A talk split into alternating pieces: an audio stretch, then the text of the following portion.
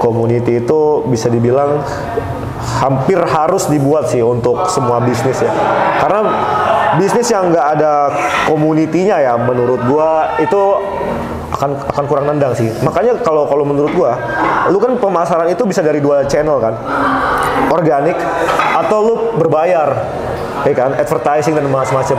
Gua untuk budget pemasaran zero nggak ada sama sekali gue pasang advertising berbayar Facebook ads Instagram ads nggak ada. Komunitas. semuanya mulut ke mulut. Semuanya. Gua dari Instagram doang. Gua nggak punya marketplace apa apa semua dari mulut ke mulut. Semua dari community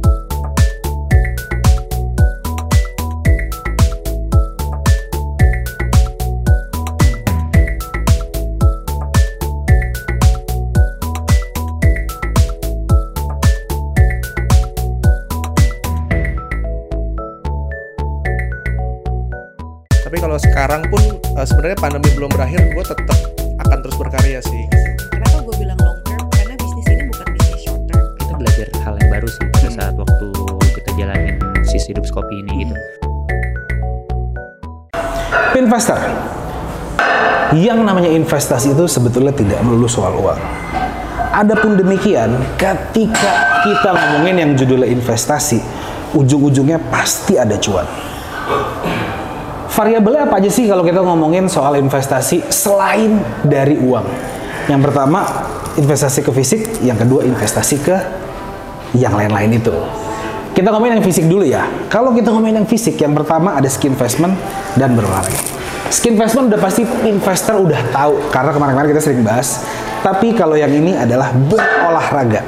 Karena kalau kita nggak menjaga badan kita dari sekarang, nantinya kalian pasti bakal keluar uang banyak banget untuk merawat badan kalian.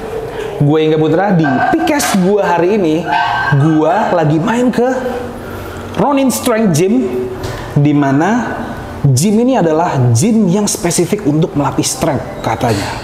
Kebetulan di sebelah gue udah ada yang punya. Halo Bapak, Ya. yang badannya seksi banget ini. Ya. Gimana kabarnya Bapak? baik Nah, di sini Rudi Oh iya, kita udah kenal belum? Belum ya? Belum. di sini ada Rudi Sektio. Iya. Halo semuanya. Halo, halo. Mungkin sebelum gue mulai kita kenalan dulu kali ya sama Rudi ya. Iya. Silakan Mas Rudi. ya halo Gue limpahkan beban ke Rudi. Ya halo pemirsa, jadi sekarang kita ada di Ronin Strength Gym ya di BSD. Nah, gua Rudi sebagai uh, founder dari Ronin Strength Gym. Kalau buat kalian yang penasaran apa sih Ronin Strength itu uh, Ronin Strength Gym itu adalah gym yang spesifik untuk melatih strength. Betul. Jadi konsep kita tuh unik dan beda. gitu. Nah, silakan Pak Juri, gimana? apa yang mau ditanya-tanya? Jangan juri dong. Namanya Ingga Putra. Ya, Pak Ingga. Oke, jadi gini bro. Kalau gua ngelihat dari konsep gym lu ini ya, lu boleh ceritain nggak sedikit? Ronin Strength Gym ini konsepnya gimana sih? Oke, jadi Ronin Strength Gym ini gym yang konsepnya sebenarnya terhitung unik ya kalau di Indonesia sendiri. Karena kalau gym-gym ad- pada umumnya di Indonesia itu biasa gym komersial. Yes. Ya, kita nggak usah sebut merek ya, sebut uh, nama gymnya. Tapi kalau di mall-mall itu biasa banyak banget tuh. Yes. Ya kan? Atau enggak gym yang lagi baru tuh gym CrossFit lah sekarang. Iya. Ya kan yang grup kelas segala macam. Nah, tapi Ronin Strength Gym ini itu kalau di Indonesia ba- baru terbilang baru konsepnya. Hmm. Sebenarnya untuk di luar negeri kayak di US dan di Europe ya itu udah banyak. Itu udah banyak. strength yang khusus uh, powerlifting. Di Indonesia kebetulan ini pionirnya Hmm. untuk gym strength sendiri yang spesifik ke strength training Hmm. untuk uh, gymnya konsepnya. Nah, kenapa sih kita bikin gym untuk strength training Hmm. spesifiknya? Karena ketika kita strength training itu pelakunya atau membernya atau Hmm. yang mainnya itu strive for progress. Strive for progress. Iya, karena strength training itu dinilai dari beban. Iya. Dan beban itu absolut. Ya, sehingga setiap hari ke hari, minggu ke minggu, bulan ke bulan mereka berusaha buat naikin itu beban. Angkanya secara absolut. Beda dengan gym lifestyle yang kita sering temui, itu mereka eh, jarang sekali yang ditemui eh, goals oriented. Oke. Iya, karena mereka ya datang hanya untuk lifestyle kadang-kadang atau untuk ya mengalir aja gitu. Kalau ini alirannya beda ya. Nah, ini, ini kayak yang kita- di sebelah kita ini ya. Jadi investor mohon maaf kalau misalkan di sini nanti agak berisik karena memang di sini adalah gym untuk power lifter ya. Yes. Jadi memang lo kalau bro, jadi lo kalau habis narik jatuhnya dang gitu ya bunyinya ya. Iya dong, biar sangar. Biasa. Memang begitu tapi. Tapi ini cukup menarik ya. Dan so far eh, kurang lebih peminatnya menurut lu gimana bro? Oke, jadi kita peminat peminatnya itu bisa kita lihat dari pengikut atau peserta kompetisi powerlifting di Indonesia. Ada ya ternyata ya? Oh ada. Kemarin uh, di kompetisi di Januari kemarin tahun 2003 itu satu kompetisi peminatnya hampir 200 orang lebih. Hampir 200 orang. Ya mungkin lebih ya, 200 orang lebih peminatnya. Jadi untuk powerlifting di Indonesia sedang menanjak banget. Oh gitu. Betul. Dan mungkin kehadiran lu di sini salah satunya adalah untuk mendukung. Betul, karena sangat jarang, bukan sangat jarang, hampir nggak ada di gym Indonesia yang mensupport untuk olahraga powerlifting sendiri. Hmm, dan hanya beberapa aja di Indonesia. Betul. Salah satunya adalah Ronin Strength Gym Ya, ini ya. betul sekali. Lu Mungkin bisa kenapa dibilang pertama, Pertama. Pionirnya. Tapi lu kenapa sih lu so obsessed dengan strength gym ini dibanding conventional gym yang lain? Betul. Jadi sebenarnya dulu gue juga bukan fokus di powerlifting ya. Iya. Dulu gue fokus untuk ya biasa lah kita fitness mau bagusin badan dan lain-lain. Estetik gitu ya. Yes, dan ya mau six pack dan segala macam. Tapi udah Eh, dapat six pack? Alhamdulillah sudah tercapai Alhamdulillah. waktu itu ya. Cuman eh, sampai kita bisa konsisten itu kita butuh yang namanya eh, progres berkelanjutan. Hmm. Ya, ketika kita sudah mencapai satu titik dan kita merasa kita udah begitu-begitu aja gitu, Hmm. itu jadi nggak semangat. Jadi kita hanya maintain aja jadinya. Hmm. Sedangkan untuk orang bisa semangat itu kita harus mencapai goals yang lebih tinggi. Oke. Nah, gue menemukan itu di powerlifting. I di strength training. Karena yang tadi gue bilang di awal progresnya itu absolut beban naik naik naik terus. Dan gue merasa oh latihan gue nggak sia-sia nih. Beban gue buktinya bisa naik dari bulan ini ke bulan ini. Oh. dari tahun ini ke tahun ini naik ke jauh. Nah berarti itu yang bikin kita konsisten adalah progres yang berkelanjutan. Progres yang dan kelihatan dari angka gitu. Benar benar benar benar. Tapi kalau gue boleh tahu nih ya, so far yang udah join di gym lu ini udah berapa orang bro? kira-kira kalau sekarang hampir 30-an something lah ya 30-an 30-an something. something. Dan ini yang mereka akan ke arah sana tuh ya, powerlifter gitu. Memang ini semuanya yang join di sini sudah powerlifting. Sudah Ya, powerlifting? Powerlifting semua. Iya makanya lu kalau lihat investor nanti ntar kita kita ambil videonya kalau kalian lihat paha-pahanya di sini anak-anaknya uh, uh bukan chicken leg ya Enggak, enggak. enggak bisa. nggak bisa ya tapi emang gerakan-gerakan itu susah loh bro tapi kalau misalkan gua tanya nih ya sebelum gua in depth masuk ke Ronin ya Oke. buat lu apa sih pentingnya kebugaran fisik kepentingnya menjaga kebugaran fisik Oke. untuk eh, menghadapi pandemi Oke, kalau untuk menghadapi pandemi jelas ya supaya kita punya imunitas yang lebih tinggi dong, ya kan karena kita percuma kalau kita mau proteksi dari luar tapi badan tubuh kita aja lemah imunitasnya. Ya olahraga udah terbukti lah bisa meningkatkan imunitas bahkan kita sebenarnya nggak usah proteksi gimana gimana kalau imun kita bagus ya nggak usah khawatir macam-macam. aman lah ya mestinya aman sih ya Harus tapi ya. so far kalau gua penasaran deh ini lu gym buka dari kapan Dari Juni 2022. Juni 2022 Iya. Itu 2022 apa 2021 ya kalau nggak salah kita masih PKM deh 2022. 2022 Ya, belum setahun. belum setahun nah protokol kesehatan di sini gimana bro Protokol sih kita nggak terlalu ketat ya. Jadi eh, nggak usah pakai masker juga masuk masuk aja sih sebenarnya. Terus juga ya nggak terlalu ketat sih intinya. intinya Heeh. lo membo- lo membolehkan karena memang hitungannya kalau ketika lo berolahraga itu bisa lah ya Iya, terus juga yang penting tahu diri aja sih kalau misalnya dia lagi flu atau sakit ya biasa kita suruh pulang dulu atau gimana paling gitu. Cuman ya gitulah, nggak terlalu ketat intinya. I see, I see. Anyway, gue tuh tahu ya dari dulu gue kenal seorang Rudy ini dia itu adalah seorang karyawan kantoran. Yes. Ini gue akan ini gua akan berbicara memasuki dari sisi segmen bisnis, boleh? Oke, boleh. Gue tahu dulu lu itu adalah seorang karyawan kantoran Ya. yang memiliki cita-cita. Yes. Ini kita ngomongin udah cita-cita ya. Memiliki cita-cita karena dia memiliki passion di bidang bodybuilding. Setuju? Ya. Nah, ketika lu memiliki sebuah cita-cita di bidang bodybuilding, entah gimana tiba-tiba lu mewujudkan dengan tiba-tiba bikin ini. Itu lu cerita diversnya gimana? tuh? Oke. Cerita pindahnya tuh gimana? Sebenarnya nggak tiba-tiba ya, itu perjalanannya lumayan panjang. Ya. Ya, cuman alhamdulillah dilancarkan oleh yang maha kuasa. Jadi waktu itu gue kantoran dan gue sebenarnya eh, merasa kalau gue kantoran itu bangun pagi pulang sore itu bukan gua banget gitu. Dan gue nggak mau berada di siklus itu selamanya. Sometimes gue harus berubah gitu. Sometimes gue harus pindah dari uh, route-route ini gitu loh. Nah, singkat cerita waktu itu bukan karena keberanian gue, tapi karena kondisi yang memaksa gue ya. Tiba-tiba. Tiba-tiba karena itu COVID, uh, pandemi dan lain-lain. kantor gua waktu itu kebetulan startup ya. Terus Startup? ya dia ada pengurangan karyawan dan akhirnya uh, gua dipecat. Uh, yes. Oke. Intinya. Nah, habis itu gue pikir pikir cara dong bagaimana gue bisa uh, move forward gitu kan. Oke. Dapur singkat- harus ngebul. Wah, dapur harus ngebul karena kan kita juga punya keluarga kan. Punya keluarga. Yes. Nah, habis itu mulai sebelumnya waktu sebelum gua dipecat, waktu gua masih kantoran, gue punya side business. Oke. Side business itu ya itu yang di fitness itu tadi gue menjalankan coaching online dan Coaching itu online. sebenarnya sudah lumayan um, ini ya lumayan bagus lah. Dan memang gue pada saat ketemu lo memang dari dulu lu badan lu udah segini Iya, maksudnya. betul. Dan lu memiliki kecintaan terhadap bodybuilding. Yes. Lo akhirnya lo membuat side business online coaching. Iya, side business itu sebenarnya sudah berjalan lama sebelum gue dipecat ini. Jadi mungkin udah sekitar 2-3 tahun berjalan. Jadi itu gue tinggal akhirnya pas gue dipecat gue fokusin di situ karena gue nggak ada Online coaching? Online coaching itu. Oke. Nah, habis itu karena gue menyadari akhirnya ketika kita fokus di satu bidang Ada nggak- potensi nggak kan? distract ternyata kita bisa lebih memaksimalkan potensinya. Hmm. Apalagi pas covid itu semua orang sangat butuh yang namanya online atau virtual. I see. Akhirnya gue bisa um, meningkatkan omset dan profit gue di side bisnis gue ini yang akhirnya jadi main bisnis. Nah singkat cerita, gue melihat satu peluang lagi ketika gue sambil menjalani online bisnis ini, klien-klien gue itu nggak bisa nge-gym di gym komersial karena, Karena tutup. pandemi. Oke. Ah, karena tutup dan gue pribadi juga merasakan hal yang serupa. Gue nggak bisa nge-gym di komersial. Sedangkan gue kalau nggak nge-gym tuh nggak bisa. Ibarat kita nggak mandi lah, Iya, nggak iya. mungkin, nggak mungkin nggak nge-gym tuh nggak mungkin. Harus nge-gym, apa pun caranya. Ya, akhirnya gue mulai dong uh, mau bangun gym di rumah gue. Oh iya gue lihat tuh, gue lihat tuh. Iya, walaupun sederhana, yang penting gue bisa angkat-angkat lah.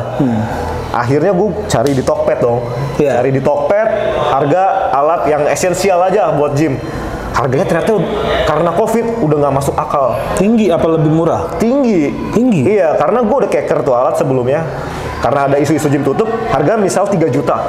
Pas udah bener-bener tutup, harga jadi 6 juta. Dengan barang yang sama, dua kali lipat. Dan itu semuanya begitu seragam, semua seller. Oke, akhirnya gue melihat peluang di sini. Ya, gue melihat ini nih barang sebenarnya bisa gue bikin. I see. Bisa gue bikin. Gue beli satu dulu. Ya, gue beli satu yang mahal itu dari Tokped untuk gue pakai. Habis itu gue puter otak dan gue mikir gimana caranya gue bisa bikin nih alat kayak squat rack, bench press. Yes. Akhirnya kebetulan temen kuliah gue ada yang nawarin. Jadi mau nggak nih kita garap? Ya, kalau lu percaya sama gue, gue bisa ba- ba- bikin nih alatnya bareng. Singkat cerita kita Oke. trial dulu. Kita trial dulu. Trial di rumah lu. Trial bikin alat pertama kita power rack dan bangku bench. Oke. Ternyata bagus. Ternyata bagus. Bagus dan sama yang gue beli online lebih bagus gue buat. Karena besinya lebih tebel. Kita bikin power rack ternyata lebih tebel juga besinya. Oke. Dan itu sebenarnya asal dan niat itu sebenarnya bisa bikin ya. Oke. Asal Jadi niat. bikin awal. Bikin. Gue nyewa tukang las harian dan lain-lain. Iya, iya, iya, Karena iya. waktu itu kan memang kita nggak ada kerjaan tuh. Ya kan, kalau lagi pandemi semua stop semua. Lu dipecat juga. Iya. Habis itu gue karena gue udah punya channel di online gue di Instagram dan di YouTube gue memang udah aktif juga. Gue pasarin lah produk gue yang kebetulan saat itu sangat dibutuhkan orang-orang. Jadi right moment gue masarin ya, momennya sangat tepat. Gue masarin dengan harga yang normal, 3 juta lagi. yang nggak kesurupan lah harganya. Jadi Yang nggak kesurupan harga yang itu iya harga normal lah, nggak yang nggak dinaikin seperti di di marketplace. Ternyata banyak yang mau. Bahkan mereka banyak yang bilang ini kemurahan. Akhirnya gue mass production, gue nggak banyak mikir, gue mass production. Gue bikin banyak, sebenarnya alatnya nggak nggak yang ribet-ribet, cuma uh, squat rack, terus habis itu bench dan gue impor barbell. Hmm, barbel tuh yang kayak gini nih ya? Iya, barbell, tuh yang ya? stick barbell ini. Stick barbel ya? sama plates gue Plates ngecor iya gue ngecor plates eko ekonomik sebenarnya udah banyak ini pakai tapi gue menemukan Sorry, ngecor. Yes. Kayak abang-abang satpam gitu dong, ngecor. Iya, ngecor. Seriusan lu, Bro. karena ah, tapi yang ngecor bukan gue ada tukang Oh. cuman gue kasih desainnya memang dia tukang ngecor besi Oh, In- besi. intinya kalau plate yang lu temuin kayak di gym-gym biasa lah ya gym-gym uh, ruko atau yang komersial gitu mereka pakai plate coran juga Oke. Ya itu mereka bikinnya sebenarnya di di tukang cor besi. Kebetulan gua Lu punya kenalan lah. ada kenalan di tukang cor besi itu. Udah habis itu itu barang-barang esensial yang gue jual dan kuantiti penjualannya sangat bagus. Iya, sangat bagus dan akhirnya ya gue bisa apa ya bisa meraup di momen itu.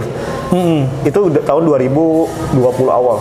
2020 awal. Ya singkat cerita setahun gue dari jualan alat itu itu bisa mengalahkan gaji gue jadi kantoran Anjir, serius lu? Iya, lebih jauh, jauh lebih, Jauh. jauh, lebih dan habis itu ya udah, gue mikir Arahnya mau lo arahnya arah di sini. ya? Oh, oke. Betul. Nah, seiring berjalannya waktu, kan masih rumahan ya. Hmm.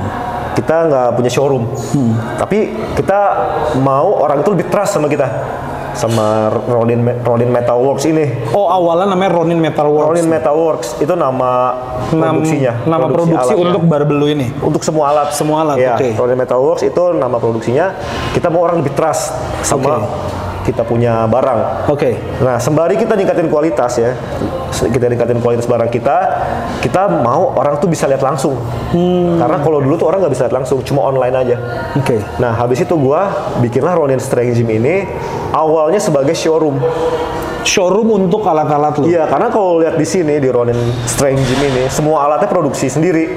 Semua, hampir Semua? 99% itu produksi sendiri. Sorry, let me cut. Parameter ketika lu menjaga kualitas lu dalam segi barbel itu parameter apa? Barbel itu nggak cuma satu jenis, dia ada banyak jenisnya. Ada barbel komersial, barbel powerlifting, squat bar, deadlift bar, specialty bar, itu banyak. Jadi intinya lu harus tahu barbel apa yang mau lu bikin. I see. Oke, kayak Tapi gitu. parameter quality-nya itu bagus apa? Apakah beratnya spesifik atau presisi kah? Barbel itu beratnya macem-macem ya, tapi idealnya 20 kilo Hmm. untuk barbel yang biasa lah, yang paling umum ditemuin. Kalau parameter bagus atau enggaknya barbel itu adalah dari PSI. Jadi kekuatan besinya itu patahnya sampai maksimal beban berapa itu sih. Hmm. Cuman kebanyakan orang nggak butuh barbel yang PSI-nya terlalu tinggi, karena kebanyakan orang juga angkatannya nggak akan sampai 500 kilo dan lain-lain. Jadi kita jual yang middle-nya lah. Ya jadi harganya nggak terlalu mahal. Kadang kalau PSI tinggi harga mahal banget. Mungkin speknya kayak yang eh yang Hmm. Itu kita banget. ngomongin material tuh ya kalau begitu. material, tapi kita jual yang memang orang butuh aja. Yang orang butuh. Terus Yang itu pertimbangan standar. pertama tuh PSI, PSI rate. Terus yang kedua itu adalah uh, dari finishing. Oke. Finishing itu macam-macam ya, ada hard steel, eh sorry sorry, ada bare steel. Bare steel itu besi yang tidak tanpa bisa apa-apa. Ada hard chrome, hard chrome itu yang ekonomis punya di atasnya bare steel. Terus dia ada zinc, zinc dan cerakote. Yang paling tinggi adalah stainless steel. I see. Stainless steel itu yang paling mahal, dia nggak bisa berkarat. I see. Jadi kalau barbel itu parameternya. Oke, berarti singkat cerita kalau gua Iya, rangkum ya. Semua permodalan lu ini adalah raupan cuan lu ketika lu Betul, menjual permodalan gua nggak ada investor, semua murni dari modal pribadi. dari blazing in disguise lu dipecat itu. Yes, yes, semuanya. Luar biasa Rudi. Keren banget lu berarti. ya. Nggak keren, cuman beruntung. Alhamdulillah ya berarti ya. Ya itu berarti rezeki anak, rezeki istri lah ya. Tuh. Wow, gue salut lo dengernya. Oh, Dan sampai berkembang sampai saat ini ya. Jadi total sampai 2023 ini udah setahun jalan ya? belum belum setahun. Ah, untuk showroomnya ini sebenarnya kita ngomongnya showroom ya. Itu baru 8 bulanan lah ya. Sekitar 8 bulanan. Anyway nih ya, nih kalau kita ngeliat ya goals orang-orang ini kan pasti beda nih ya. Ya. Goals orang, nah dari semua goals-goals yang pernah ada orang-orang di sini tuh ada nggak yang paling menarik buat lo? Goalsnya sih eh, yang paling menarik adalah orang yang di sini mayoritas itu mau ikut kompetisi. Jadi memang hampir semua di sini tuh ikut kompetisi. Oh iya, Iya. Mau kompetisi lokal ataupun internasional. Ya, mereka mostly strive for Mereka- that goals gitu. Nggak ada tuh goals yang nurunin berat badan gitu kayak gua gini contoh. Hampir nggak ada sih. Hampir mereka semua ada. mau ningkatin strength. Bro, lu ningkatin strength juga bro? Strength doang yang kuat ya? Biar kuat. I see. Strength Tapi gue setuju sih, gue kalau gue ngeliat environment kayak begini, gym lu sehat sih bro. Kalau menurut gue ya parameter gym itu dikatakan sehat atau enggak, gue ngeliat dari environment sih. Kalau lingkungan yang modelnya kayak gini, menurut gue positif banget. Cuman so far alat-alat semua akhirnya di atas lengkap tuh ya. Lengkap, nanti bisa cek aja. Kita sekarang udah melebarkan uh, produksi kita bukan cuma yang squat rack, bench dan barbell, tapi udah hampir hampir semuanya kita bisa bikin. Bahkan kita melayani custom made. Jadi lu mau bikin apa? Kasih gambar aja ke kita dari Google dari mana kita bikinin. Bisa begitu Bisa, Dut? bisa. Kalau untuk inquiry kayak gitu-gitu biasanya larinya ke mana tuh Dut? Uh, gue masih gue langsung. Oke, bisa ngubungin lu nya lewat mana berarti? Lu cek aja Instagram Ronin Metalworks di situ ada linknya. Lu Ronin Metalworks itu ada di Instagramnya. Ya, gue sekarang pemasaran hanya dari Instagram saja, Oke. sama dari mulut ke mulut. Belum ada di marketplace or Marketplace nggak begitu jalan, mostly dari mulut ke mulut dan Instagram. mantap. Well, gini deh, kalau kita ngomongin, kita balik lagi nih, kita ngomongin body goals. Yang namanya achievement deh, kita ngomongin achievement, achievement. Achievement terbesar lu apa nih? Apakah dengan lu membantu orang mencapai body goals mereka termasuk dalam kategori achievement buat lu? Oke, achievement di bidang olahraga maksudnya atau di bidang Gym? Gym. Oh, di bidang gym sebenarnya achievement gue yang menurut gue paling besar adalah gue bisa memfasilitasi orang-orang yang membutuhkan alat fitness tapi mereka bisa mendapatkan dengan harga yang fair price. Itu achievement terbesar gue sih. Karena gue berangkat dari problem gue sendiri. Ya gue mau beli alat fitness tuh semuanya harganya ya you know lah nggak masuk. Mahal ya? Ya cuman gue bisa memfasilitasi mereka dengan harga yang fair. mereka. Gue nggak bilang murah tapi fair. Ya itu achievement terbesar gue. Ya jadi semua orang itu bisa punya alat fitness. Di Semua rumah? orang- Iya di rumah. Semua orang bisa punya fitness. Sekarang semua orang punya TV di rumah. Itu menurut gua itu bisa diganti dengan dia beli alat fitness. TV Hmm. kurang useless lah menurut gua. Dengan fitness itu alat fitness itu itu lebih esensial daripada TV sebenarnya. Iya, iya. Karena itu buat kesehatan lo gitu. Oke. Dan itu lo bisa menghemat lo nggak harus pergi ke gym, nggak harus membership, nggak harus macet-macetan. Lo bisa olahraga anytime. Di rumah lo mau bangun tidur, mau sebelum tidur, kapan aja bisa. Time efisien. Sekarang kan kita udah masuk 2023 nih, Iya. ya. Di mana kayaknya yang namanya PSBB, eh bukan PSBB, PPKM malah. Iya. PPKM itu lebih melunak ya. Iya. Kira-kira proyeksi bisnis lo ini tahun 2023 apakah bakalan seksi nggak? Oke, gua ini berarti ada dua ya. Gua ngomongin gym, Oke. abis itu gua ngomongin metalworks lo. Oke. Dari gym dulu deh. Oke. Bakalan seksi nggak proyeksinya? Oke, jadi gym gua ini Torrent Strength Gym ini sebenarnya bukan main bisnisnya. Main bisnisnya adalah produksi alat. Kalau mau- alat. kalian mau tahu, ya jadi main bisnisnya itu. Dan Torrent Strength Gym ini hanya sebagai workshop, eh hanya sebagai showroom. Sebenarnya, cuman gua buka ini untuk sebenarnya base camp community. Base camp community. Nah, habis itu akhirnya dari situ bergeser lagi.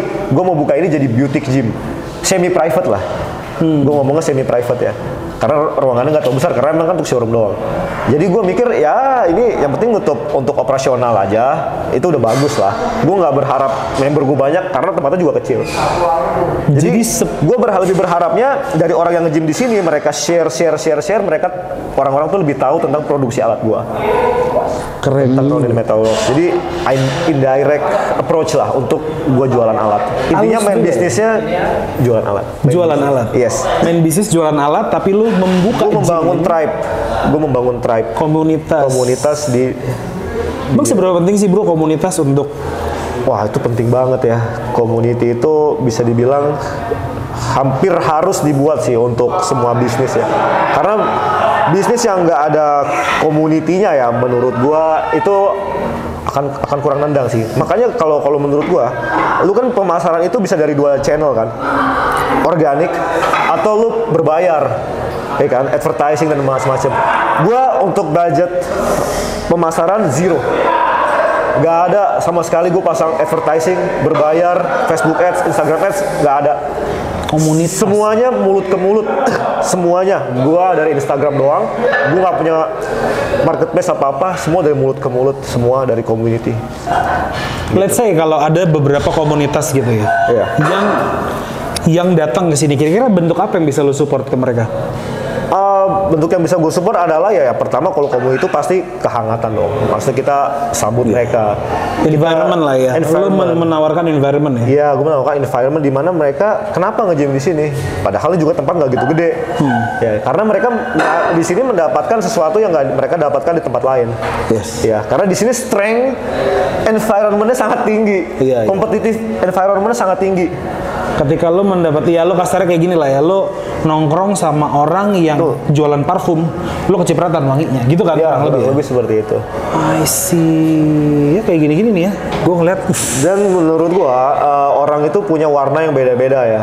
Kalau warnanya kita itu warna yang kasar ya, warna yang keras yang memang kita brutal, kita maunya hardcore, itu kita nggak akan cocok nge-gym di gym lifestyle. Nggak akan cocok. Ya, dan kebalikan orang yang soft, ya, orang Lu yang nggak akan cocok juga nggak akan cocok nge-gym di sini. Jadi karena nggak ada gym yang menyediakan hardcore atau warna kasar, mereka terpaksa nge-gym di gym lifestyle. Nah akhirnya mereka mereka tahu dari sini yang punya warna sewarna sama gue mereka akan nge-gym di sini. oke. Ya berarti ini emang eh, oh special interest gym gitu kali ya kita bilang ya? Ya, boleh kali ya gue bilang eh, special interest gym? Hmm, sebenarnya nggak terlalu nggak terlalu spesifik itu juga sih. Karena memang itu secara broad memang orang punya warna sendiri gitu. Yang tadi gue bilang kasar dan halus. Kasar. Kalau kasar ke sini. Kalau lu suka hardcore brutality, strength, Oh, ya, kayak something gitu-gitu. like that, di sini tempatnya tempat lo, lu nggak akan cocok nge-gym di gym komersial. Baik, gue kaget loh ketika ternyata gue datang ke sini yang mau gue tanya adalah gym ternyata itu bukan bisnis utama. Ya, gitu. That's why. Oke, menarik juga nih gue baru di Sektio ini ya. Well anyway Ruth, sebelum gue tutup nih ya, kira-kira bakalan ada apa yang baru dari Ronin Strength Gym? Oke, eh, yang bakal baru sih sebenarnya eh, kita mau banyak untuk tahun ini ya rencana kita mau kerjasama sama orang-orang luar ya, komunitas-komunitas luar untuk ngadain event. Ya, event Hmm. Weightlifting? eh, powerlifting ya, beda itu weightlifting kalau beda. Kita mau ngadain event powerlifting. Ya, jadi kita mau memperbanyak eh, namanya kompetisi lah, supaya peminatnya juga makin banyak. Hmm. Karena kompetisi itu salah satu cara untuk orang suka untuk mendalami Cabang olahraga olahraga ini ini. ya? Karena tanpa kompetisi mereka nggak ada goals gitu. Ya kayak ngalur ngidul aja gitu. Cuma kalau di kompetisi mereka ada deadline-nya. Di sini gua harus main, gua harus latihan serius untuk sampai ke situ. Ya itu untuk tahun ini seperti itu. Untuk dari uh, rencana di Ronin Strength Gym. Barangkali nanti Ronin Strength Gym bisa menelurkan atlet-atlet kebanggaan nasional kan? Ah kalau itu saya nggak berani ngomong dulu ya karena untuk nasional beda. Mudah-mudahan nih kita ini anak-anak muda ini, wah gila angkatannya berapa kilo tuh? 200 bro. Ya. Well anyway Ruth, sebelum gue tutup lagi, any last word dari lu Ruth buat investor di luar sana yang mungkin kepikiran pengen bisnis juga kayak lu atau memberanikan diri membuka bisnis kayak lu? Oke, eh, menurut gua, gua bukan orang yang jago juga dalam bidang bisnis. Gue juga masih baru, masih pemula. Cuman kalau dari gua pribadi adalah ketika lu punya ada sesuatu yang lu suka nih, dan lu mendalami di satu bidang, ya itu udah bagus. Lu udah punya modal. Karena bisnis tanpa lu mendalami bidang tersebut itu agak susah ya. Kalau kita memang cuma ngincer cuan doang tanpa lu memahami bidang tersebut, itu satu. Dan yang kedua, ketika lu lihat ada peluang, segera eksekusi. Karena ketika nggak eksekusi pilihannya cuma dua. Eksekusi lu eh, apa plan lu diambil orang, dieksekusi orang duluan atau lu yang ngeksekusi duluan. Cuma dua doang pilihannya. Karena ya cepet-cepetan nih sekarang. Ketika ada peluang, tinggal nunggu orang ngambil atau lu yang ngambil. Gitu doang. Luar biasa, Rudy Iya. thank you banget loh ya. Berarti Iya, iya. Ketika lu menjalani bisnis, lu tidak suka itu akan berat ya. Betul, sangat Beda berat. cerita ketika lu Iya. menjalani bisnis yang lu suka Iya, itu betul. akan sangat mudah. Iya. Gue setuju sih soal itu karena ketika lu menjalani sesuatu dengan lu enjoy, dengan hati, semua energi positif dari diri lu itu akan keluar. Yes. Thank you banget Rudy. Gue udah boleh-boleh mampir ke sini. Iya, thank you. Mudah-mudahan eh, semua bisnis lu di tahun 2023 segera melambung tinggi ke langit Amin, dan lu bisa mengeluarkan atlet-atlet kebanggaan Indonesia. Kalau gitu kita undur diri dulu. Gua Ingga Putra. Gua Rudi, Sampai jumpa di Pikes minggu depan.